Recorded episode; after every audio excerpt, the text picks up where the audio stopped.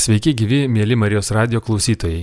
Mano vardas Rimas Macevičius ir šiandien laidoje kalbėsime apie liturginę muziką ir tam proga yra liturginės muzikos dirbtuvės. Kur jos vyks ir kaip mes pakalbėsime šio, šioje laidoje ir pristatau studijos svečius. Tai Šventųjų Pilypo ir Jokūbo bažnyčios Vilniuje vargonininkė Gražina Trekur ir Sveiki. Sveiki.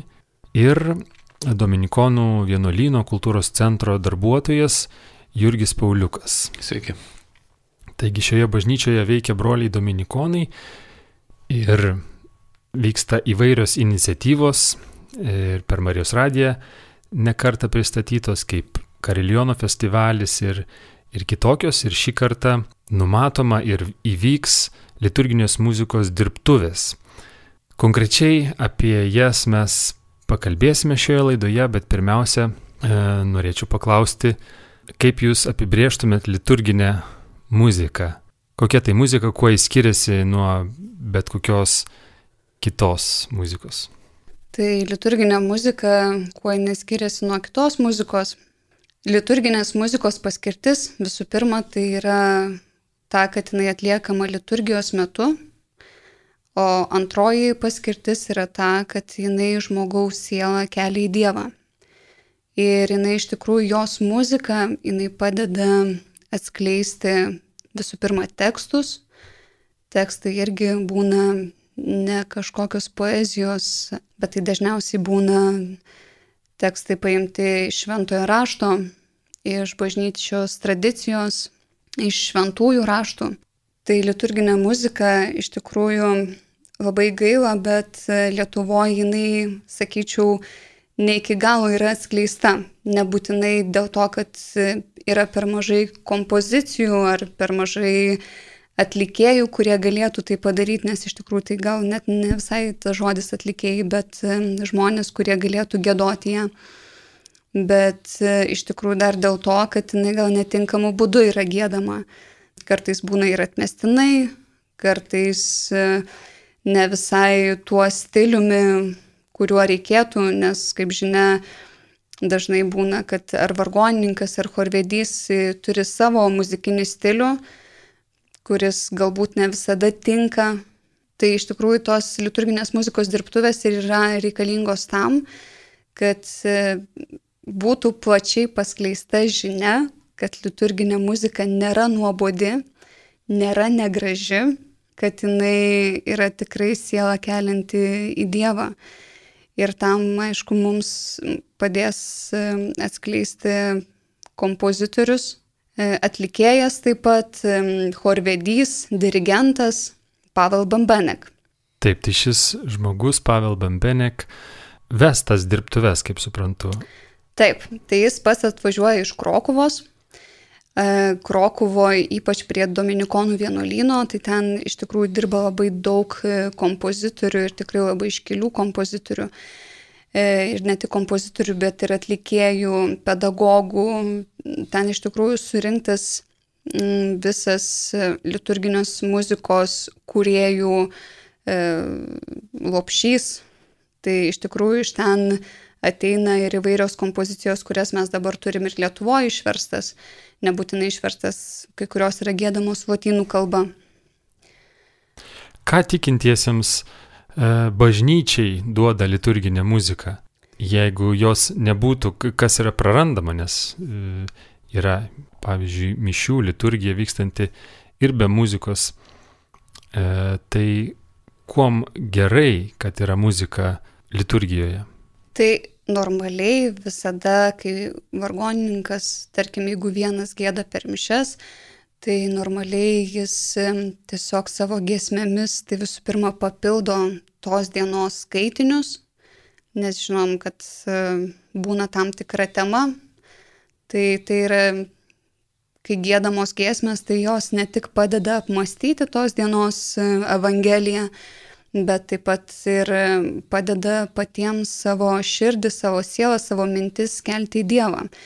jinai, taip sakant, mobilizuoja visų pirma, kad tu sėdėdamas mišiuose nesiblaškytum ten, negalvotum, kad man reikia eiti darbą ar man reikia papietauti ir ką čia aš valgysiu, bet iš tikrųjų, kad tas laikas, kiekviena minutė jinai būtų nukreipta į Dievą.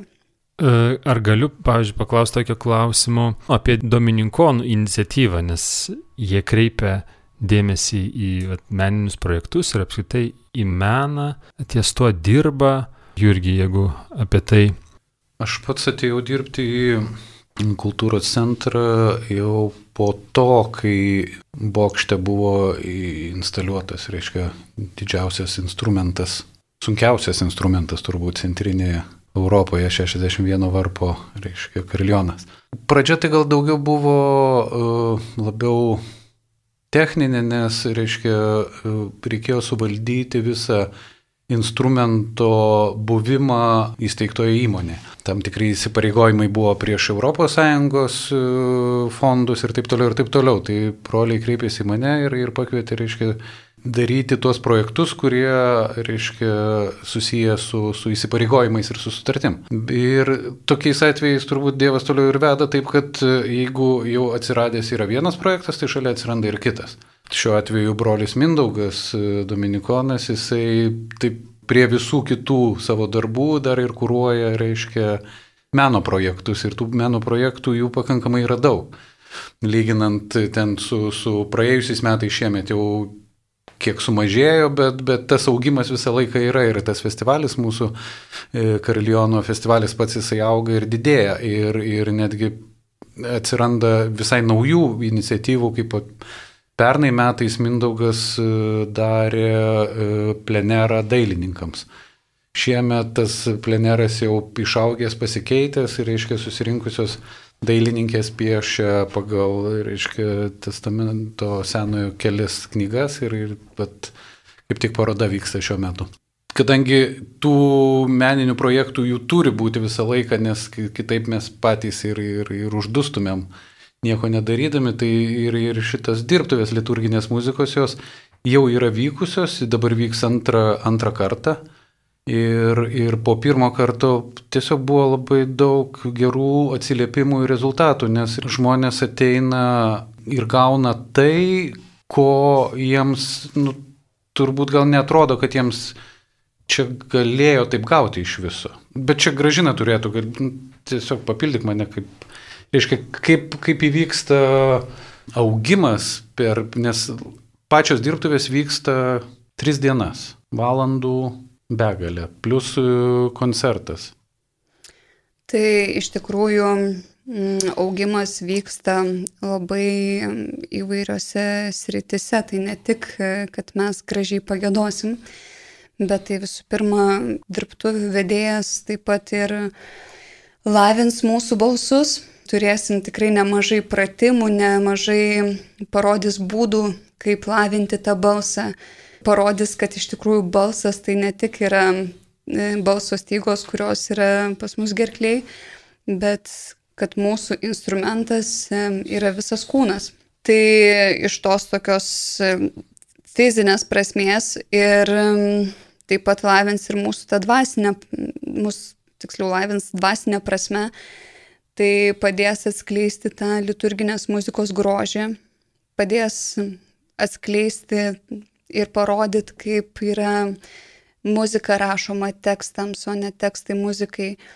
Ir kaip svarbu pamatyti iš tikrųjų kiekvienoje gesmiai, kaip, pavyzdžiui, jeigu viešpats ten karalius, tai mes matome, kaip ta pati melodija, jinai išryškina tą patį žodį, išryškina prasme, esmę ir kaip padeda geriau suprasti mums tą tekstą, negu jis būtų šiaip, pavyzdžiui, perskaitytas tai jau nekalbu apie tą muzikinę prasme, tai tikrai bus džiaugsmas muzikantų ausims, kai turėsim galutinį rezultatą ir kai išgirsim, kad nes bus sudarytas vienas choras iš dalyvių, tai išgirsim iš tikrųjų gerą rezultatą, kai tiesiog gali būti net kelios natos, bet jos tikrai gali skambėti labai puikiai. Ir iš tikrųjų irgi viena iš užduočių, kad vargonininkai, chorvedžiai ar tie patys choristai, ar, ar bet kas, kas dalyvaus dirbtuvėse, tai aišku, nebūtinai, kurie dabar gėda bažnyčioje, bet, pavyzdžiui, gal norėtų, arba tiesiog turi tą tokį vidinį troškimą. Tai iš tikrųjų jie išsineš į savo bažnyčias, į savo erdves tą tokį suvokimą, kad muzika tai esame mes, kad mes ne tik atliekam tą muziką, bet mes gyvenam, kad jinai mumise tampa gyva. Dar čia šitoje vietoje turbūt yra labai svarbu paminėti, kad, reiškia, su pačiu dirbtuvių kompozitorium, vedėjų Pavelu mes šitas dirbtuvės pradėjome derinti lygiai prieš metus kai jis tiek yra užsiemęs ir tiek turi daug dirbtuvių per, per Europą, gal dabar nėra tiek, aišku, per, kai apriboti truputį judėjimai po, po visą Europą, bet, reiškia, Lenkijoje jo dirbtuvės vyksta vos ne kiekvieną savaitgalį ir jo patirtis yra iš tikrųjų nu, neišmatuojama. Ir čia gražina kalbėjusi su juo prieš, prieš kelias dienas ir siunčia linkėjimus. Taip, tai Pavelas iš tikrųjų sako, perdok žmonėms, kad labai laukiu tų dirbtuvių Lietuvoje ir labai laukiu muzikavimo kartu. Gražina, norėjau paklausti, jūs esat vargonininkė, tai apie pačios kelią, liturginę muziką, tuo užsimti profesionaliai, kodėl toks pasirinkimas ir galbūt tame pasirinkime, tame kelyje buvo tokių impulsų, kaip pavyzdžiui dirbtuvės, kokia nauda jų seminarų dirbtuvių tokio pobūdžio jums asmeniškai ir, ir apie tą pasirinkimą patį. Iš tikrųjų, tai kartais man atrodo, kad ne aš pasirinkau būti vargonininkė, bet kad vargonai pasirinko mane, arba tiksliau Mm, bažnytinis tas vargoninkavimas. Nes kai mokiausi muzikos mokykloje, tai aš mokiausi grot e, violončelę. Ir tada, kai buvau mm, viduriniai mokykloje penktoj klasiai, tai viena vargonininkė išgirdus, kaip aš ten plėšiu, stovėdama netoli jos kažkokias ten gesmes, tai jinai tiesiog pakvietė į chorą. Ir tada turbūt prasidėjo kaip pasakytų vienas iš mūsų brolių, mano karjera. E, turbūt tada. Tai vėliau įstojau konservatoriją, tai irgi baigiau ten violončelę, bet jau tada, kai man buvo kokių 14-15 metų, brolis Jacekas iš Dominikonų, jis mm, paprašė suorganizuoti ten vienai mokyklai dvyliktokų paskutiniam skambučiui chorelį, tai sutikau, aišku, su entuzijazmu, nors nelabai ten ką dar išmaniau, bet, na, nu, aišku, kodėl ne. Ir po to karto jis pradėjo mane kviesti, kad vieną kartą pavargonuot mišiuose, antrą kartą. Ir tai prasidėjo apskritai mano vargonavimo kelias. Po konservatorijos baigimo m, mm, įstojau į Mykolo Romerio universitetą, į viešą administravimą. Bet tada supratau, kad jeigu tu esi paragavęs muzikos, tai tu jau tiesiog nebegali be jos. Nu, tai tiesiog matyt, turi lydėti jau visą gyvenimą. Tai dar besimokydama e, Mykolo Romerio universitete, tada broliai paprašė, kad e, aš apsiimčiau naujo choro kūrimo Pilypo Riukubo bažnyčioj. Tarp kitko jau prieš tai, tai mes jau ten su šoventojais kažką bendro darėm. Ir tada įsikūrė tas choras ir tada supratau, kad man turbūt reikėtų gal baigti vargonus, kad jau, taip sakant, jau tokiais dalykais užsijimu. Tai iš tikrųjų dažniausiai tur, turbūt žmonės stoja į aukštąją mokyklą, kad įgytų tam tikrą kvalifikaciją ir po to galėtų dirbti. Pas mane tai buvo atvirkščiai, kad pradėjau vargoninkauti, o tada įstojau į muzikos akademiją mokytis to. Taip, ar teko tokio pobūdžio, kaip dabar organizuojamos dirbtuvės, ragauti, išbandyti, Taip. mokantis ir tobulėjant ir kokia nauda iš to? Taip, tai iš tikrųjų, tai kai pradėjau gėdoti bažnytiniam chore, tai mūsų vargonininkė, beje, ačiū jai, nes jinai supažindino mane su tą tradicinę bažnytinę muziką, tai jinai neleisdavo ten visokių mm, šovinimo gesmių gėdot, Tai jinai kažkaip labai rimtai į tą visą liturgiją žiūrėjo, tai iš tikrųjų ačiū jai, nes jinai padėjo tuos pamatus. Tai čia buvo Ilona Jurevič, kuri dabar aušos vartuose groja. Tai o ir aš atsimenu, kad tada jinai, jinai pati organizuodavo ten ir vargonininkų kursus, kur mes irgi dalyvaudavom. Ir aš atsimenu, kad irgi buvo ir Pavel Bambenek atvažiavęs, ir dar toks kompozitorius Hubert Kovalski, bet jie tada dirbo labiau gal su Lenkų grupėmis, gal tik vieną kartą yra su lietuviais dirbę. Ir tada susipažinau pirmą kartą su jais, bet tai čia buvo prieš kokių gerų dešimt metų. O vėliau važinėjau taip pat kelis įkius į Krokuvą, Tark kitko, Krokuvui, tai ten dominikonai organizuoja irgi tas liturginės muzikos dirbtuvės kartą metuose, turbūt tokias vos net didžiausias Europoje, drįščiau sakyti. Nes ten jie pasikviečia ne vieną vedėją, bet e, ir ne tik iš Lenkijos, nes buvo ten ir iš Sankt Peterburgo puikus dėstytojas, kuris dėstė mums ortodoksų muziką. Taip pat buvo atvažiavusi ir Divna Liubovievič, kuri dėstė vokalą, tai ir ten ir buvo ir vargonų masterklasai, tai iš tikrųjų labai aukšto lygio tos liturginės muzikos dirbtuvės buvo. Ir aišku, ten buvo paskirsta į sekcijas e, profesionalams, mėgėjams, tai irgi tas turbūt labai gerai, nes galėjau jau tobulintis e, kaip profesionalė. Mėly Marijos radio klausytojai, šiandien laidoje e, studijoje svečiuojasi Šventųjų Pilypo ir Jokūbo bažnyčios Vilniuje vargonininkė Gražina Trekur ir toje bažnyčioje veikiančių Dominikonų vienuolių kultūros centro darbuotojas Jurgis Pauliukas ir kalbamės apie liturginę muziką e, dėl to, kad Švento Pilypo ir Jokūbo bažnyčioje greitų metų vyks liturginės muzikos dirbtuvės. Taigi jau minėjome, kad tas dirbtuves ves kompozitorius, dirigentas, vokalistas iš Krokovos Pavel Bembenek ir jis jau yra atvykęs nebe pirmą kartą, atvyks antrą kartą, tokios dirbtuvės bus antrą kartą Pilypo ir Jokūbo bažnyčioje. Tai kadangi šis meistras yra kompozitorius, dirigentas, vokalistas, e, vis tik kam labiau skirtos dirbtuvės yra, kas gali juose dalyvauti juose gali, gali dalyvauti iš esmės visi turintys muzikinę klausą. Tai toks mažas reikalavimas. Tai ir tai iš tikrųjų tos dirbtuvės bus labai universalios. Tai tikrai jos rekomenduotinos ir vargonininkams, ir chorvedžiams, ir choristams, ir bet kokiems muzikantams. Nes, žinot, stebėdami, tarkim, chorvedžiai, stebėdami Pavelo darbą su choru, jie taip pat galės ir, ir savo pasiimti kažkokių, kažkokios patirties, kaip reikia vesti chorą, ką daryti, kaip tą muziką išgauti, kaip garsą išgauti. Aš aišku, tikrai tikiu, kad kiekvienas chorvedys tai moka daryti, bet žinot, kartais mes dirbam, dirbam, dirbam metai iš metų ir atsiranda ta rutina. Tai ir kartais būna, kad iš tikrųjų tie metodai, kad ir ne vienas metodas, po kažkelių metų jie gali tiesiog nebeveikti. Tai tiesiog, man atrodo, čia bus labai naudinga.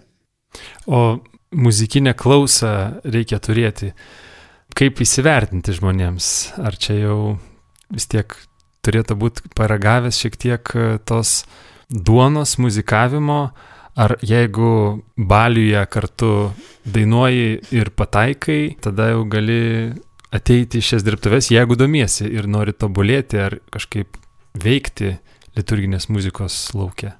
Jo, kaip įsivertinti, tarp kitko, Rimai, jūs gerai pasakėt, kad jeigu baliui pataikai, tai, tai gal turi klausę. Na, nu, iš tikrųjų, jeigu draugai sako, kad jeigu gali, tai nedainuok, tai gal vertėtų klausyti draugų. Aš aišku, juokauju.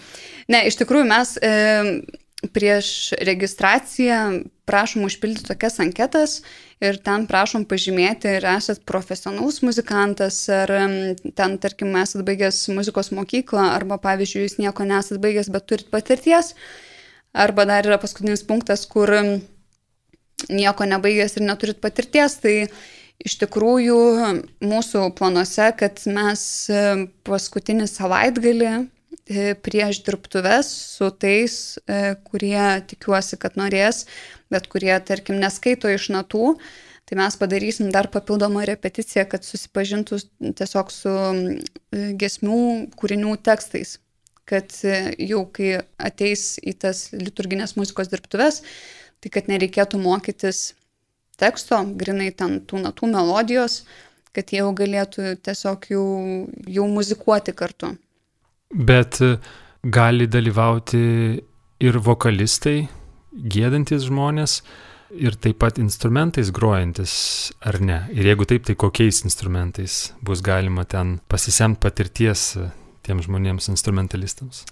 Taip, tai aišku, čia labiausiai yra orientuota į vokalistus, bet taip pat kviečiam labai ir instrumentalistus. Tai instrumentalistai tai yra kviečiami, tai styginių kvartetas, tai jeigu grojat smuiko, altų, violončelę, kontrabosų, E, arba ten fleita iš tų tokių bazinių instrumentų, tai irgi labai kviečiam, nes kompozitorius yra parašęs ne tik chorui tas gesmes, bet ir kameriniam orkestrui. Tai labai kviečiam kartu muzikuoti. Taigi, liturginės muzikos dirbtuves, apie kurias kalbame, ves kompozitorius Pavel Bembenek ir manau būtų puikiai proga šioje laidoje išgirsti vieną iš jo kūrinių. Taigi, gražina, prašau pristatyti, ką klausysimės. Tai yra gesmė pagal 63 psalmę, kurioje kalbama, kad Dieve, o Dieve, tavęs ieškau. Ir kalbama apie tai, kaip ilgisi siela ir kaip trokšta Dievo kūnas, kuris yra kaip išdžiūvusi žemė be vandens. Ir šitą giesmę tai norėčiau dar papasakot istoriją, kaip jinai gimė, kurią manau, kad e, galės ir detaliau papasakoti ir pats e, kompozitorius per dirbtuves.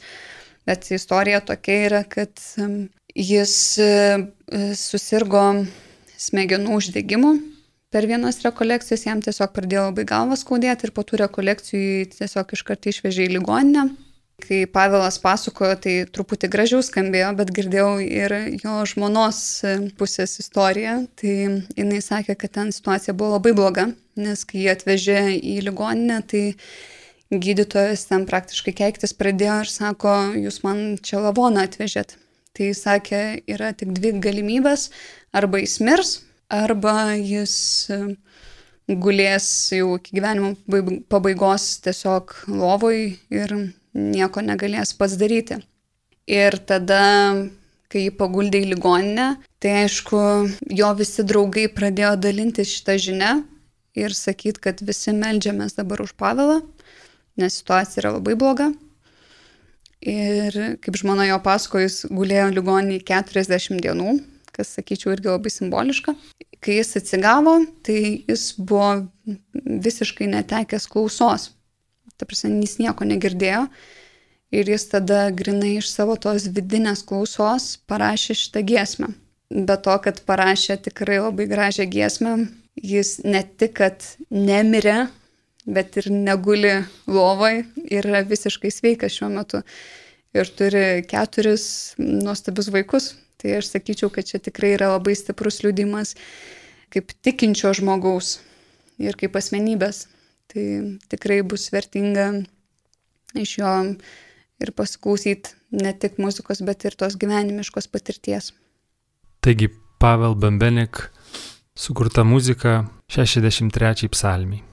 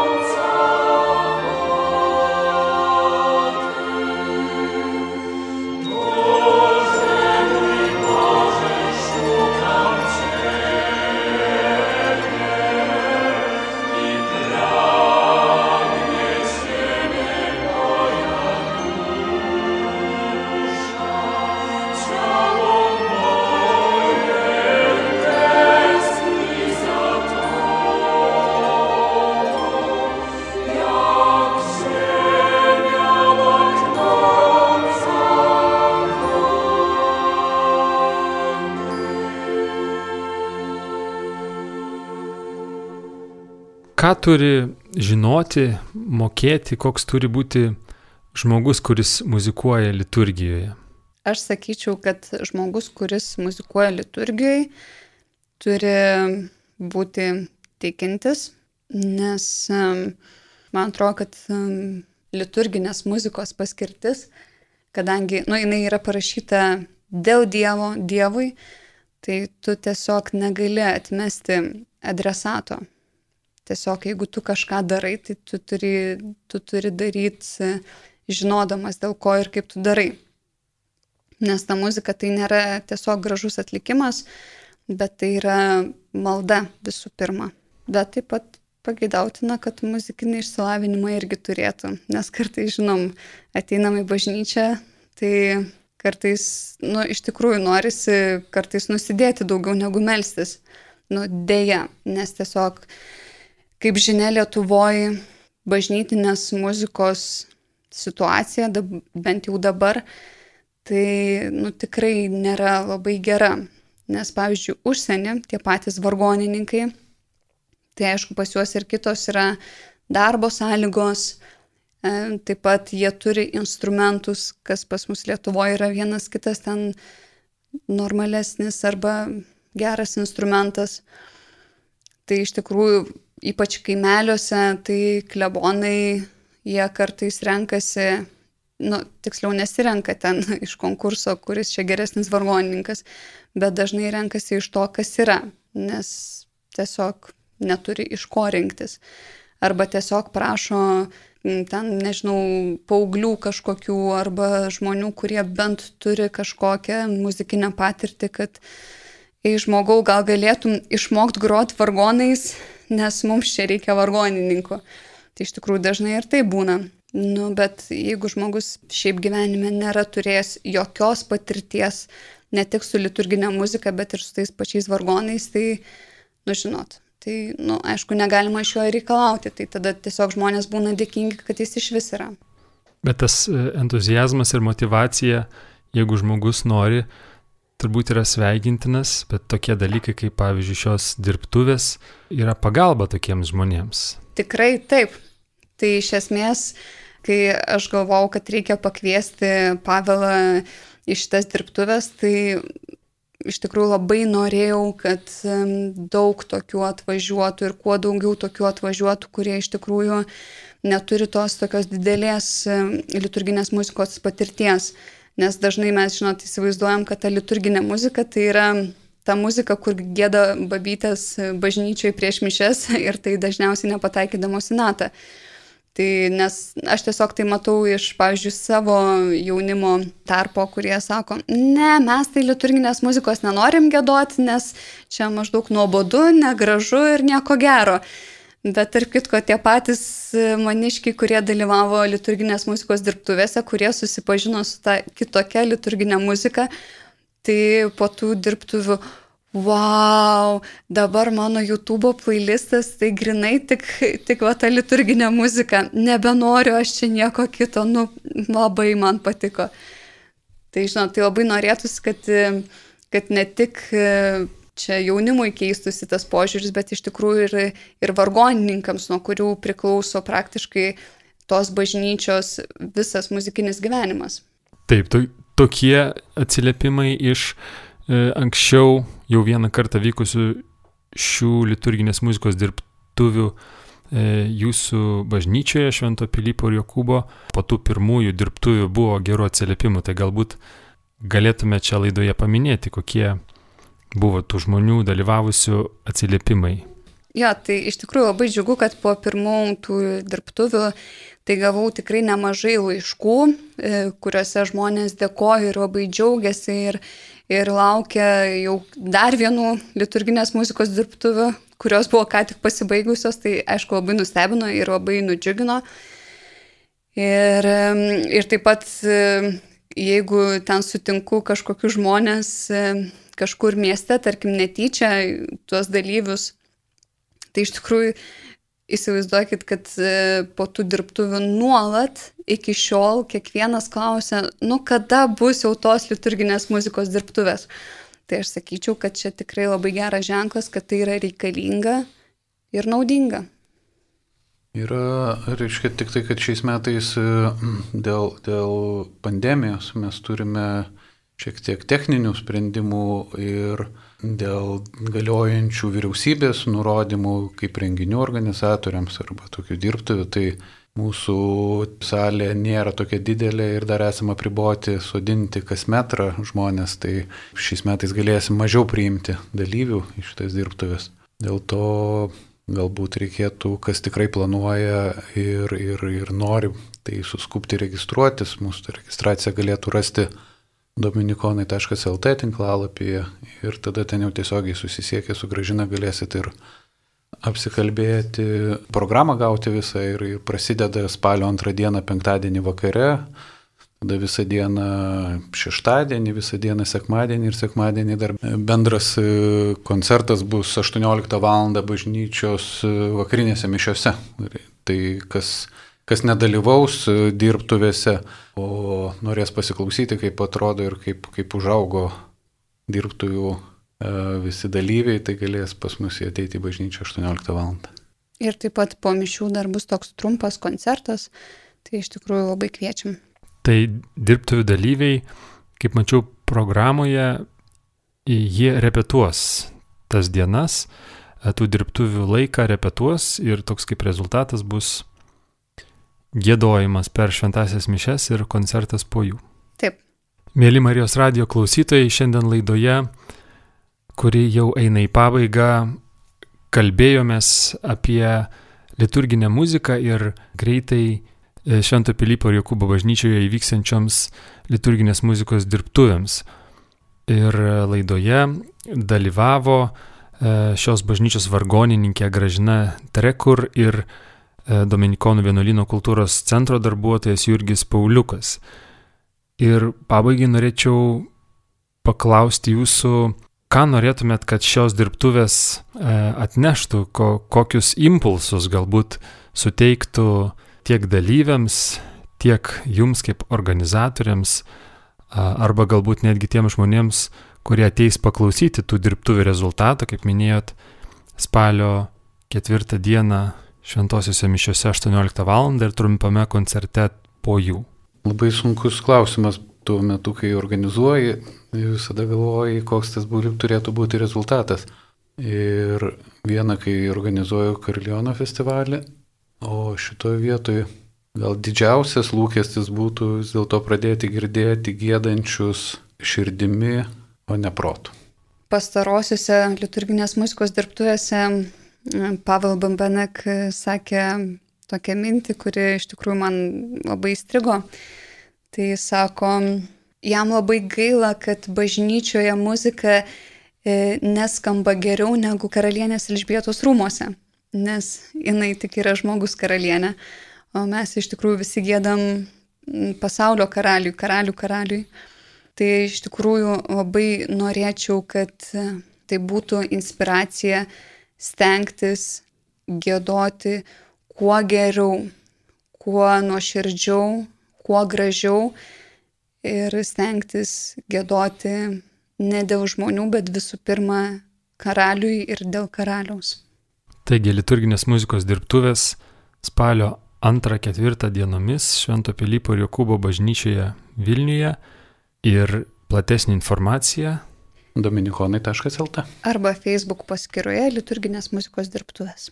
Dėkoju Jums, kad atėjote čia į Marijos radio studiją pristatyti šių liturginės muzikos dirbtuvių ir ačiū Jums, mėly Marijos radio klausytojai, kad klausėtės. Likite ir toliau su Marijos radiju. Sudie. Sudie. Sudie.